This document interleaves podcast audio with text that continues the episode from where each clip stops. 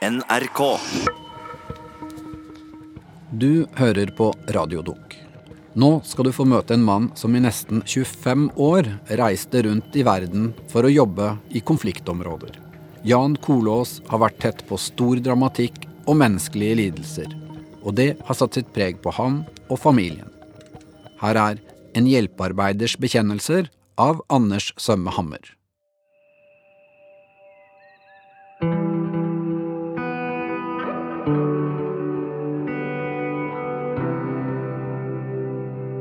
23 år var Jan Kollås hjelpearbeider i noen av verdens farligste konflikter. Han dro dit andre ikke våget, og hjalp mennesker som ellers ikke ville fått hjelp. Det ble sagt at han fikk til det umulige. Han var kreativ og uredd, og verken bomber eller drapstrusler skremte han bort fra felt. På tross av, eller kanskje nettopp på grunn av, den stadige dramatikken, følte Jan seg sterk, nesten uovervinnelig. Men han søkte ikke selv hjelp for å bearbeide de ekstreme opplevelsene. Og han fikk lite oppfølging der han hoppet fra den ene til den andre organisasjonen og tok nødhjelpsoppdrag i bl.a. Somalia, Sudan, Pakistan, Uganda, Kosovo og Palestina. Han var ferdig med Norge, følte seg ikke hjemme her, ville vekk. Men han gikk for langt. Det er som et sånn flash Han kan ikke om det begynner å komme inn litt hjelp fra frivillige organisasjoner nå. Da ser jeg sårede folk som ligger og har det vondt. Roper om hjelp. Mens FN kjemper for å få maten inn i Somalia, dør tusenvis av de mennesker som skulle reddes. FNs nye katastrofetall, 5000 døde per dag, er det verste i Afrika akkurat nå. So we are fighting essentially justice. We are fighting to create what we call a new Sudan. Desperasjon og fortvilelse. Malaria, diaré, hudsykdommer. En buss med 50 passasjerer ble stanset, og mennene i bussen ble skutt ti og ti. For å forstå denne historien må vi tilbake til 1990.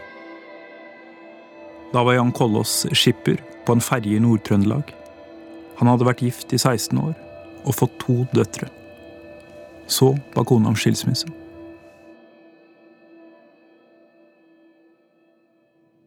Det var veldig tøft. Jeg syns det var forferdelig, egentlig. Det var vel en av mine store tap i livet. Og eh, først altså sykmeldte jeg meg og tok ut all min eh, overtid som var innen eh, der jeg jobba, og reiste til Spania. Liksom for å rømme vekk fra problemene da, og tenke over livet. Mye fyll, mye alkohol. Uh, uansett hvor en drar i verden, og hvis en er på utkikk etter uh, å møte dem som uh, turer og fester mye, så finner en dem. Det hjalp i nuet mens du hadde en rus, men det er klart når du våkna opp edru, så var det jo enda verre. Jeg hadde jo en forferdelig periode i livet ikke sant? som jeg heldigvis klarte å komme gjennom uten men. For det hadde godt kunne jeg fått noe galt den gangen jeg vil si at du på en måte prøver å ødelegge deg sjøl med, med, med, festing og turing og masse damer. ikke sant? Det, det, det liksom at du blir på en måte virkelighetsfjern. Du gjør ting som du aldri verden har ville gjort hvis du har i hvert fall hvis du, ikke, hvis, hvis du har vært hjemme i Norge. Men her var det ingen grenser. Etter seks måneder med festing i Spania reiste Jan tilbake til Namsos. Da var det faktisk konfirmasjon til min yngste datter. Og jeg begynte å jobbe igjen. Men eh, det tok ikke lang tid egentlig for jeg fikk den samme rastløsheten. Sånn at jeg bestemte meg for å prøve å få meg en jobb utenlands. Jeg, jeg klarte ikke å takle det å se min familie og se min ekskone. Jeg ville bare bort.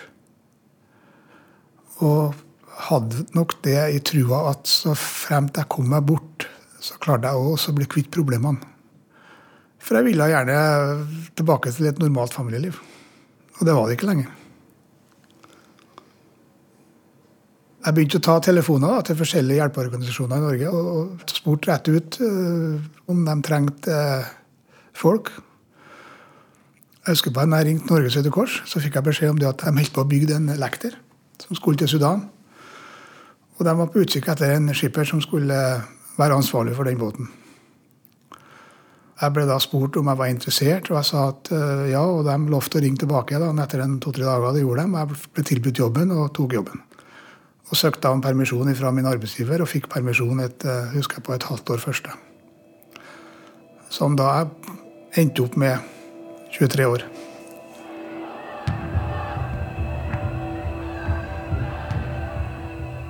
Jan ble sendt til den uoversiktlige og svært brutale borgerkrigen i Sudan.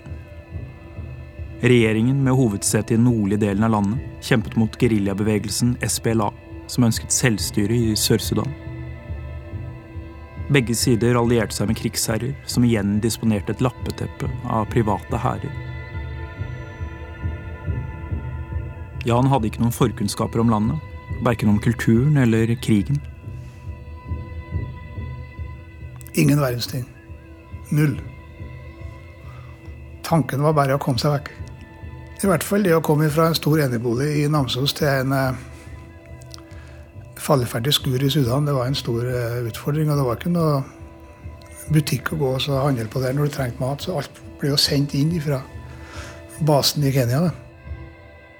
Oppdraget var altså at Jan skulle styre en lekter med nødhjelp. Det ble langt mer komplisert enn forutsett. Det var ganske hardt arbeid, da, for den båten skulle jo bygges opp. Den kom jo i deler fra Norge da, og så ble sendt inn til Sudan. sånn at jeg var sammen med en ingeniør da, og bygde opp den båten. Det var jo en, en, en stor nødhjelpsbehov i Sudan på den tida. Og det var jo den eneste måten å frakte nødhjelp på Nilen. Men regjeringen i Khartoum, som var i krig med geriljaen i Sør-Sudan, ga aldri tillatelse til at båten kunne brukes. Så hjelpeprosjektet fikk internasjonal oppmerksomhet. Besøk inni feltene både av CNN og jeg husker på til og med New York Times. det var, var der, Pluss norske journalister. Det var den manglende tillatelsen som trakk journalisten ut i felt. At det ble bygd noe så dyrt som ikke kunne brukes. Som allerede før det ble satt i drift, eh, gikk rett i dass, for å si det sånn. Sudan var Jans første møte med krig. Veldig mye checkpoints da når det var ute og kjørte, med mye barnesoldater. På en måte veldig aggressiv.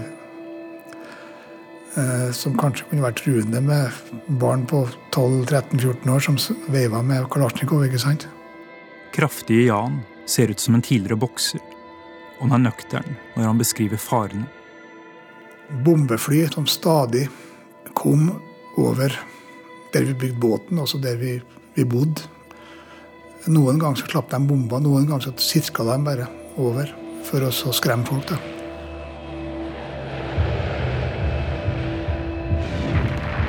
Slik som i Syria i dag brukte myndighetene hjemmelagde bomber. Det var snakk om eh, fat som var fylt opp med all slags faenskap, for å si det rett ut. Spiker og granater og alt mulig faenskap som bare ble skubba ut. Så det var ikke presisjon i det hele tatt. For du vet jo aldri hvor den bomben detter ned. Om den detter oppå deg, eller om den detter kilometer unna. Eller... For det er så lite du kan gjøre. Du vet ikke hva som skjer. Da blir du redd. Lokalbefolkningen, som Jan samarbeidet med, ga tydeligere uttrykk for frykten. Når de hørte lyden av fly, så, så, så alle slapp det de hadde. Alle sprang fra sine hus og bare sprang og gjemte seg. Og det skjedde omtrent hver dag. Jeg vil si at bombinga var ikke så ofte. Men flyene kom omtrent hver dag og bare sirkla over byen for å terrorisere og skremme befolkninga. Og når vi så at de kom nært der vi var, så hoppa vi nær sagt i foxholes, da, sånne groper som ble laga i jorda, som vi gjemte oss i. Jeg vil si For min egen del så, så ble jeg veldig skjelven i klærne blodet flyter fort gjennom kroppen, pluss at eh, tankene flyter veldig fort gjennom hodet. da. Tenker på alt. absolutt alt. Det er helt, du kan tenke på helt utrolige ting. Det bare, hele kan, livet kan bare gå gjennom som et bilde i løpet av bare noen sekunder. Jan havnet svært tett på en massaker da utbrytere fra geriljabevegelsen gikk til angrep på befolkningen i byen Bård. Rundt 3000 mennesker ble drept. Og da var det så gærent at uh, å kjøre etter veien, det var, det var umulig å kjøre uten å kjøre over lik. Plutselig at du kunne se at uh, sjakaler lå og spiste på lik. Lukta av forråtnelse, og særlig forråtnelse av mennesker, da, den varmen som var der, så, så var det, det var ganske grusomt. Alle de kom over, ble bare skutt i ryggen og slått i hjel. Helt jævlig. Så vi måtte bare brenne, brenne lik. Samle dem i dunga og brenne dem. Det var bare plass til et fåtall av de skadde på flyet som kom fra sykehuset. Dermed ble Jan satt til å være herre over liv og død. De hadde ikke med doktor, så du måtte liksom peke ut dem du trodde kunne overleve for å få være med på det flyet. For de hadde ikke plass til alle sammen. Det var veldig tøft. Når du ser eh, skuddsår, når du ser soldater som tarmene henger ut i magen, sant? og du ser eh, kanskje dem som ikke var så hardt skada, så måtte du bare ta en, en, en beslutning ut ifra det som jeg trodde sjøl. Mulighetene til å koble av og komme til hektene var svært begrenset for Jan og kollegene. Han skildrer en machokultur blant hjelpearbeiderne i felt, der fritiden ble fylt med alkohol og uforpliktende forhold. Med hensyn til bombing så er det jo flere som har tørna fullstendig gæren, for å si det sånn. da. Og en annen ting er jo veldig mange som har booka under for, for, alkohol. Da. For det er jo også veldig lett å ty til når det er snakk om veldig stressa situasjoner. Alkohol er jo en, et, på en måte et bedøvelsesmiddel eller sovemiddel som stenger stygge tanker borte. Men det er jo klart at over lengre tid så gjør det jo slike ting egentlig verre. For du må jo bare ha mer og mer. Og det har jeg sett mange som har dukka under på akkurat pga. det. Det er et enormt misbruk. Enormt. De blir jo eh, manisk, ikke sant? Og, og, jeg har til og med vært borti det at jeg måtte ha ordna egne fly, evakueringsfly og sendt ut uh, kollegaer som har vært fullstendig nedbrutt av, av alkohol og tabletter. De blir jo nervevrak, ikke sant? I de påfølgende årene havnet Jan stadig i halsbrekkende situasjoner. Ved oppstarten av et nytt bistandsprosjekt var han på vei fra Djibouti til Somalia i båt. Når vi kom utom eh, Horn of Africa, så ble vi også angrepet av pirater. Som ikke var noe særlig behagelig opplevelse, egentlig. For de kom med båt da, med en stor sånn maskinkanon i fronten da, og begynte å skjøte etter oss Vi bare sette kursen rett ut mot havet. Båten med pirater da, den kom jo bare nærmere og nærmere, men eh, de hadde ikke noe mye presisjon på når de skjøt. Jan og de andre ble enige om at de skulle fylle flasker med brennbar væske, såkalte Molotov-cocktails, som de ville kaste på piratene som brannbomber hvis de kom så nærme at de kunne bore båten. Og vi drakk øl og fylte dem opp etter hvert med bensin. Så det bestemte vi oss for. De skulle faen ikke ta oss. Plutselig, etter åtte timer, så var han kanskje 500 til 1 km unna. Så snudde han plutselig og ga opp. Og én time etter at piratene snudde og dro tilbake, så sprengtes motoren. For at vi har kjørt den for hardt. Og det var jo bare flaks, ikke sant? for hvis det har skjedd en time før, så har de tatt oss. Så egentlig så var vi dritheldige. I Somalia gikk Jan i gang med å utbedre infrastrukturen. Blant annet skulle de fikse veien til en flyplass. Jan sa opp mennene som fraktet grus på eselkjerrer fordi det gikk for sent. Han erstattet dem med lastebiler. Da reagerte Eselkjerreforeningen kontant. Vi var fire stykker som ble kidnappa. Jeg husker at de lå på hver side av veien da, med store maskingevær med øynene triller rundt og spiste chatt hele natta. ikke sant? Og jeg fikk bare en kalasjnikov i magen da, inn i bilen. Nei, vi, de plasserte oss i eh, et hus like ved der vi bodde, faktisk. da. Men vi forsto jo det at eh, det, det, var ikke noe det var ikke noe feriekoloni, det der. altså. Og det kom frem til det at de skulle ha en slags form for erstatning. Og vi hadde ikke noe penger.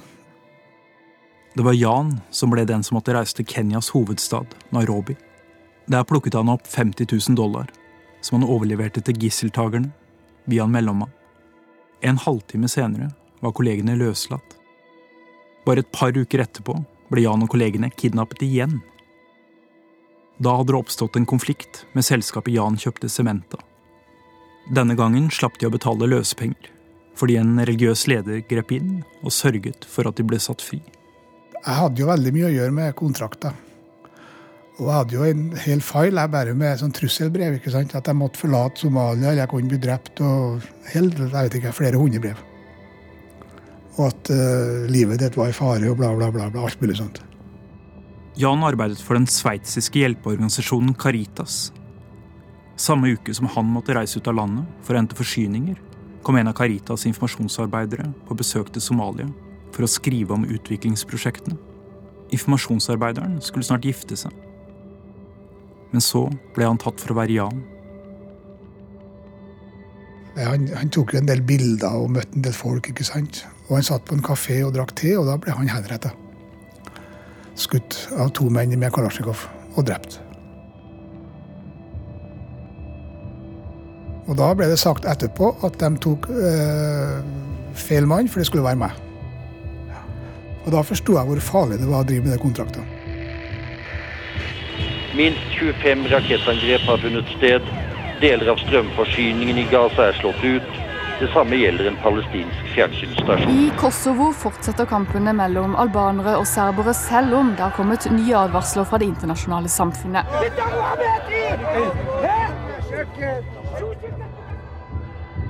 Etter Somalia reiste Jan fra konflikt til konflikt. Gang på gang lurte han døden ute på jobb. Blant annet i byen Mitrovica i Kosovo. Der vi ble angrepet av en mobb, da. det var heller ikke veldig behagelig, egentlig. Det var òg ganske skummelt, da, for de prøvde, de prøvde å tenne på det huset vi gjemte oss i. Det var også mer eller mindre var heldig da, at det begynte å regne, sånn at de klarte ikke å tenne på det. En annen gang i Mitrovica også ble jeg angrepet av en horde og var alene i bilen. og Da hadde jeg ingen annen mulighet. Jeg måtte bare gi gass og bare kjøre gjennom uh, en hel gjeng med mennesker som bare fløy til sidene. Jeg kjente jeg kjørte over folk. Og, og den gangen også har jeg stoppa, så jeg har helt sikkert ikke vært her i dag. I Kenya ble han nektet å være med et fly fordi han insisterte på å ta med to kasser øl. Det, det, faktisk var vi to stykker som hadde fire kasser øl. Og jeg, meg også var en danske, da, og ingen av oss fikk være med det flyet pga. at vi hadde for mye bagasje. Alle om bord på flyet ble drept. Det styrta i, faktisk i nasjonalparken i Nairobi.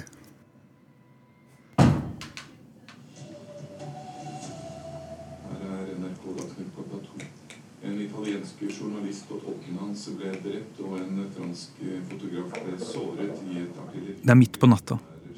Jan ligger i senga med hunden Aruna. Radioen står på. Hva må ha på radioen? Ja. Når det er helt stilt.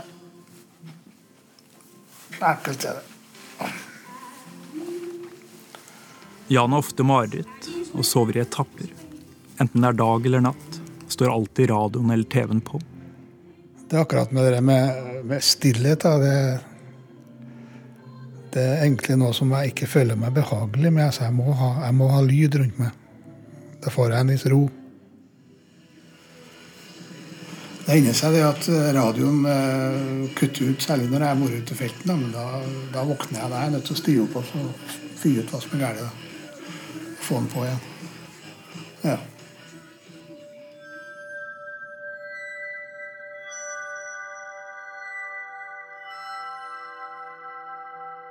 Det er mange av de samme folkene som reiser rundt til ulike konfliktområder. Ofte rastløse sjeler med brennende hjerter.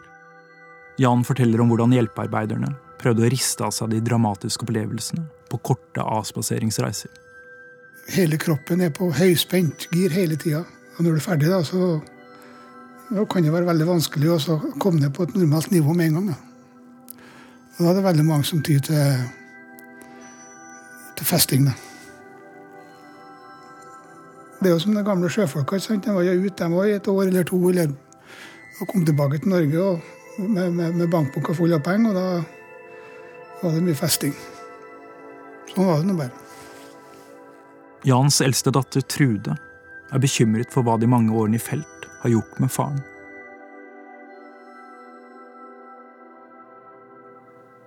Jeg ser at det gjør kjempesterkt inntrykk på han hvis vi sitter og kikker på nyheter.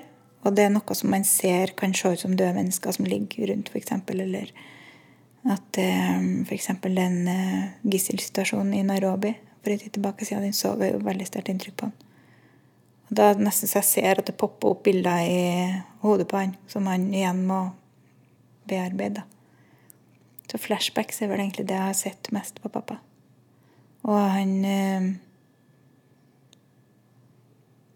får også ganske mye sånn eh, angstanfall. Eller plutselig så får han et eller annet, en lyd eller noe som trigger de reaksjonene han hadde sikkert for eh, en tid tilbake siden. Jeg ser at han blir veldig sånn anspent. Det er vanskelig å Jeg kan jo ikke ta han i handa.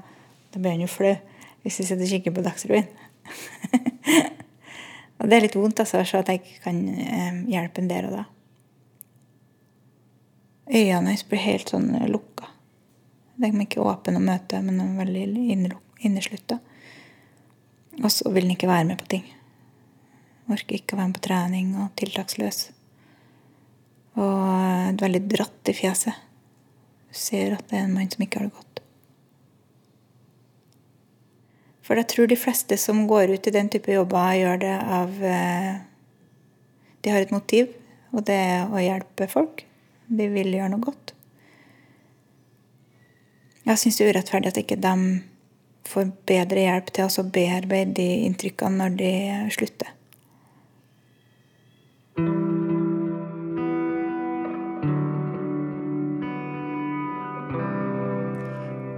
Egentlig så starta jeg ikke mine problemer før i 2011, når jeg fikk en jævla malaria i, faktisk i Liberia.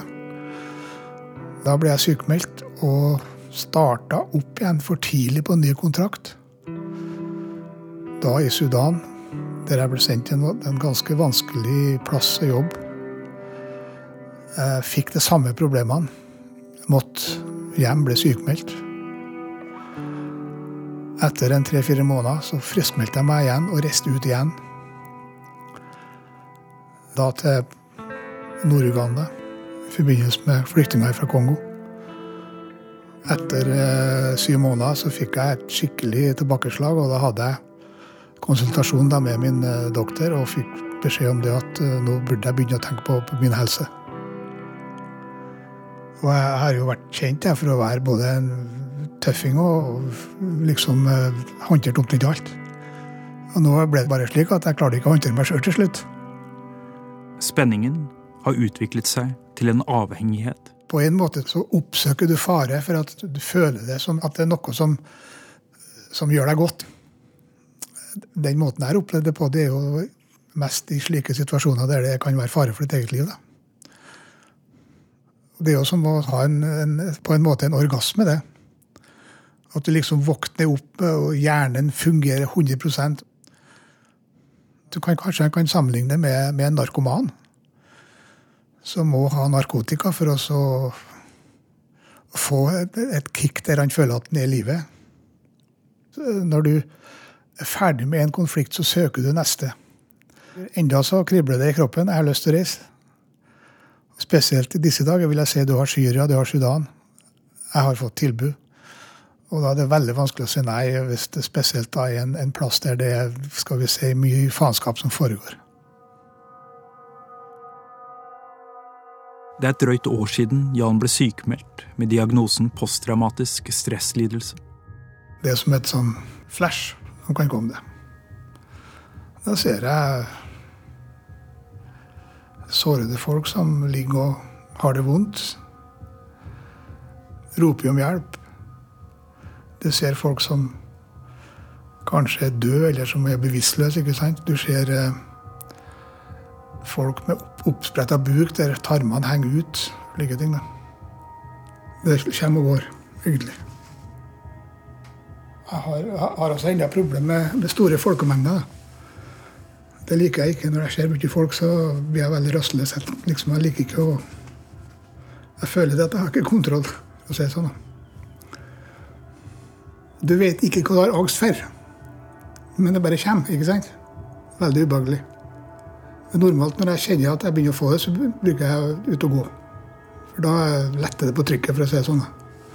Det blir som å ha en stor eh, ballong i magen du, som, som de ikke klarer å få ut. Jan har ikke roen til å lese bøker. Nei, jeg store problemer med akkurat. Derfor at det er så vanskelig å konsentrere seg. Jeg har prøvd, men eh, det eneste Han klarer å lese fort av det i avisa, men det går jo på fem minutter. Og så er det også et, et problem med å, det å sosialisere seg med folk, da, som også har vært et, et problem egentlig. for at jeg vet ikke, Det føler jeg ikke komfortabel. da. Hva, hva, skal du snakke om, for å si det sånn? da? For Jeg kan jo ikke snakke om det som er gjort, for det er ingen som forstår det likevel. Elendigheten har tatt sterkere tak de siste årene, og Jan blir oftere sentimental. Du syns synd på dem, og det har du bestandig gjort, men de liksom kom ut på en annen måte. Du, du blir direkte berørt. Og, og, og, du føler deg veldig maktesløs. Samtidig blir han lett irritert. Og så kan du fort bli stressa av omtrent ingenting. Og, og, da, ikke sant, du, du, når du blir irritert, så på, må du på, på en måte trekke deg inn i deg sjøl, sånn at det ikke går utover andre folk. Så du blir veldig lite sosial. Du liker veldig godt å være for deg sjøl. Du slipper å snakke om eh, problemene du har, du har gått gjennom, og går gjennom. Nå har han faste samtaler med psykolog. Det vanskeligste er egentlig å, å overbevise seg sjøl om at du trenger hjelp. Men når du først eh, kommer i gang, så forstår du jo det at, eh, at, du må, at, du må, gjennom det. Han tar også medisiner. De kaller det for det som heter for lykkepillen. Hjelpearbeidere kvier seg for å fortelle om psykiske problemer. Om du har et problem, så vil du aldri fortelle din oppdragsgiver det, for da får du ikke kontrakt neste gang. Da finner de bare en ny en. Og da sitter du der på rumpa og har ingenting å gjøre. I hvert fall den erfaringa jeg har fått med dem som jeg har jobba for, det at det er veldig få organisasjoner som har folk med mye erfaring fra felten som jobber på sine hovedkontor. Sånn at de som jobber der, de, de har ikke peiling på hva det egentlig er for noe å være ute i en, en stor operasjon der det er mye faenskap, for å si det sånn. Jan sammenligner seg med westernhelten Morgan Kane, som er portrettert som en røff outsider i Kjell Halbings bokserie.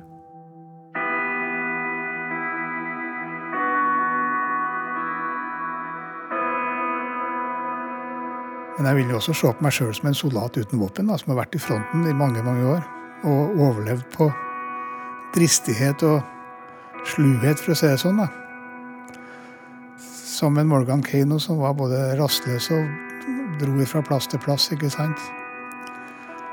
Og hadde sine damebekjentskap her og der, og som også er en normal ting når du er ute og jobber så mye som jeg har gjort. Og møte nye folk og nye utfordringer. Som nevnt tidligere, mye alkohol, ikke sant? for det var jo også han kjent for. det. Morgan Kane gikk ikke til psykolog, men han trakk seg tilbake i hånda til slutt. På en måte gjemt seg i sitt indre. Det er søndag morgen, og på radioen spilles det salmer. Men Jan er ikke troende. Han føler seg alene. Jeg husker på Jeg husker på en gang det var en prest som sa til meg det at at uansett hvor du er, når du har vært i det farene du har vært på, så er det Gud som tar vare på deg. Men eh, akkurat det har jeg ikke noe tro på, for at den eneste som kan ta vare på meg, uansett hva som skjer, det er meg sjøl. Og jeg må ta mine egne avgjørelser. Jeg kan ikke legge meg ned og be til Gud og så håpe til at det er han som, eh, som, som berger livet mitt. Så det er bare tull. Mange hjelpearbeidere drar ut med mye i bagasjen. Idealisme, ønske om å gjøre en forskjell, men også eventyrlyst og uro. Dragningen mot farer kan stamme fra Jans barndom. Den startet harmonisk med en hjemmeværende og kjærlig mor. Men da han var ni år, fikk hun kreft. Resten av familien prøvde da å beskytte ham ved å ikke informere ordentlig om hva som skjedde. Jeg fikk aldri den beskjeden om at hun var så syk at hun kom til å dø. Og eh, jeg fikk heller ikke komme i hennes begravelse etter hun var død, som jeg har bestandig tenkt veldig mye på senere i livet. Det har jo, det har jo bestandig vil jeg si, det har vært et savn etter, etter en mor, det vil jeg si, som kanskje også har, har eh, gjort at den har blitt veldig rastløs, på en måte. Bestandig savna den kjærligheten en mor kan gi i sitt barn. da. Trude har laget kaffe og satt seg ned i sofaen sin. Vi snakker om forholdet til faren de mange årene han arbeidet ute. Jeg tror òg at han hadde veldig masse å tenke på i den tida der. Personlige ting. Som gjorde at uh, han hadde nok en del støy. Da er det jo vanskelig for enhver å sette seg ned og så konsentrere seg om å snakke med den andre, egentlig. Men han har jo den rastløsheten. Så forteller hun noe svært overraskende. Mm. Har pappa fortalt at han har hiv, eller? Jan har levd med hiv siden 1996. De nærmeste vet nå, men han syns det er ubehagelig å snakke om. I Norge så blir det å sitte på som spedalsk. ikke sant? Det er nesten sånn at uh, her at uh, Går du ut offentlig med, så er det ingen nesten som vil være i samme rom som deg eller ta deg i hånda. Derfor har jeg vært holdt det på sida her. En annen ting er det at jeg vet ikke helt hvordan jeg fikk det. Han tror kanskje han ble smittet den gangen han rykket ut og ga førstehjelp til mennesker som hadde kjørt på en mine i Uganda. Og da var det blod overalt. Så om jeg fikk det den gangen, eller om jeg har fått det gjennom normal sex, det er jeg sikker på. Men i hvert fall så ble det påvist når jeg fikk eh, diagnosen, at jeg fikk det en gang i 96. Og det var akkurat den gangen jeg hadde, var ute i den ulykka. Til å begynne med så var det mye medisiner. Da tok jo faen meg ti tabletter om dagen. ikke sant? Men i dag så er det bare én tablett. Han går til legen hver sjette måned og får sjekket blodverdiene. Viruset holdes i sjakk og har ikke utviklet seg til aids. Du kommer ikke til å dø av det. Du dør med det. Så lenge du bare tar medisiner. Han håper hans historie kan hjelpe andre som reiser ut i felt. Det gikk åtte år fra han fikk diagnosen, til han fortalte det til datteren Trude. Jeg ble jo kjempetrist. For da visste jeg ikke så mye om det. Jeg bare husker jo fra media at det er jo helt krise. Vi fikk i hvert fall snakka, da. da. Det var en fin prat, og da tror jeg det klikka litt på plass. At vi fikk tilbake en, en fin nærhet, da. Og han trengte noe veldig å få snakke med noen om det, for det var fortsatt veldig sånn tabu, og han syntes sikkert det var vondt. I dag plager det Jan at han selv har vært så mye borte fra sine egne barn. Når jeg ser på det i dag, så syns jeg egentlig at det er veldig uansvarlig. For jeg har sett senere i livet, der jeg også har snakka med mine barn, om at, de hadde jo veldig De hadde jo mer eller mindre den samme savnet dem etter sin far som jeg hadde etter min mor når hun døde. Så der føler jeg meg egentlig litt skamfull jeg gjør det. For jeg, egentlig så gjorde jeg ikke min plikt som far. På en måte så kan jeg vel, si at jeg var veldig egoistisk og tenkte mer på mitt eget velvære. Som var veldig uansvarlig, egentlig. Men støtterne vokste opp i Norge, reiste Jan rundt som hjelpearbeider. Samtidig stiftet han en ny familie. Jeg, blant annet så ble jeg jo, jeg jo gift. Jeg har jo kone fra Kenya. Og hun bor i Amerika nå, da, pluss at har en sønn. Og det er klart at eh, Jeg vil jo si det at jeg mista veldig mange år i oppveksten til min sønn, for jeg var aldri hjemme. Nå er han 22 år. Det kjennes, det kjennes litt vondt. Og, og, og, på en måte at livet har liksom eller det viktigste delen av livet har, har, har gått forbi en. da. I og med at en ikke har fått vært med så mye på oppveksten på sine barn. Var akkurat det der med å komme seg bort fra problemene. Det var en større ting enn det å være en god farsfigur, dessverre. Tre ganger om dagen går Jan lange turer. I havna i Oslo stopper han ofte og ser på båtene. Han vet livet ville vært helt annerledes hvis han hadde fortsatt som skipper i Norge. Samtidig er han ikke i tvil om at han som hjelpearbeider har gjort livene bedre for mange mennesker i nød. Han tror aldri han blir kvitt de vonde minnene, men han synes han er i ferd med å finne en måte å leve med dem. Nei, jeg tror nok det at alt det som jeg har vært med på og vært igjennom, så har du lært, lært deg veldig godt å kjenne, egentlig. da. På både godt og vondt. Sånn at jeg, egentlig så er jeg, ikke, jeg er ikke redd for noen ting.